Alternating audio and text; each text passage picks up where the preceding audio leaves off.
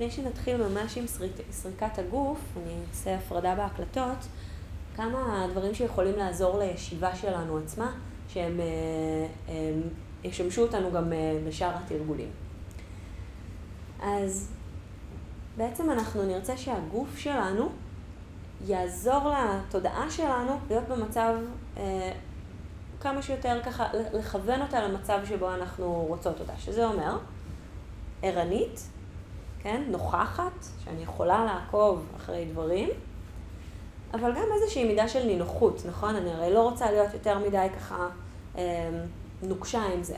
אני רוצה גם משהו רך, פתוח לקבל, אמרנו זה קשור לאיכות של הלא שיפוטי גם, כן? אז אנחנו נחפש שהגוף שלנו יוכל לבטא באיזושהי מידה את שתי האיכויות האלה. איזושהי מידה של ערנות, איזושהי מידה של נינוחות, איזשהו איזון. דברים שיכולים לעזור. אז השדרה שלנו היא מאוד מאוד אה, משמעותית לדבר הזה.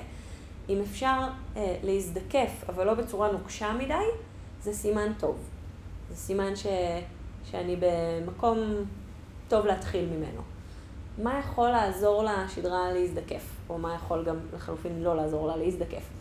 אמ, במצבים שבהם אה, הברכיים גבוהות יותר ממפרקי הירך, לרוב זה, זה ייקח את הגב שלנו למקום יותר כזה, אמ, כפוף, כומר.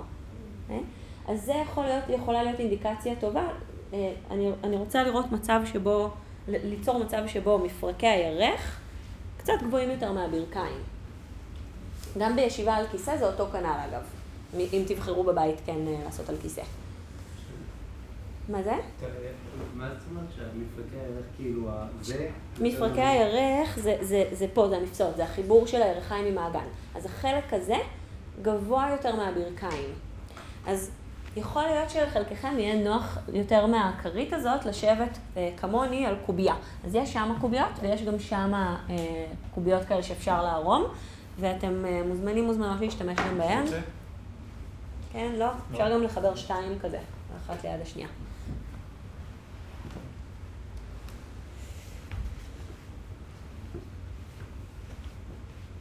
אז תארגנו לכם.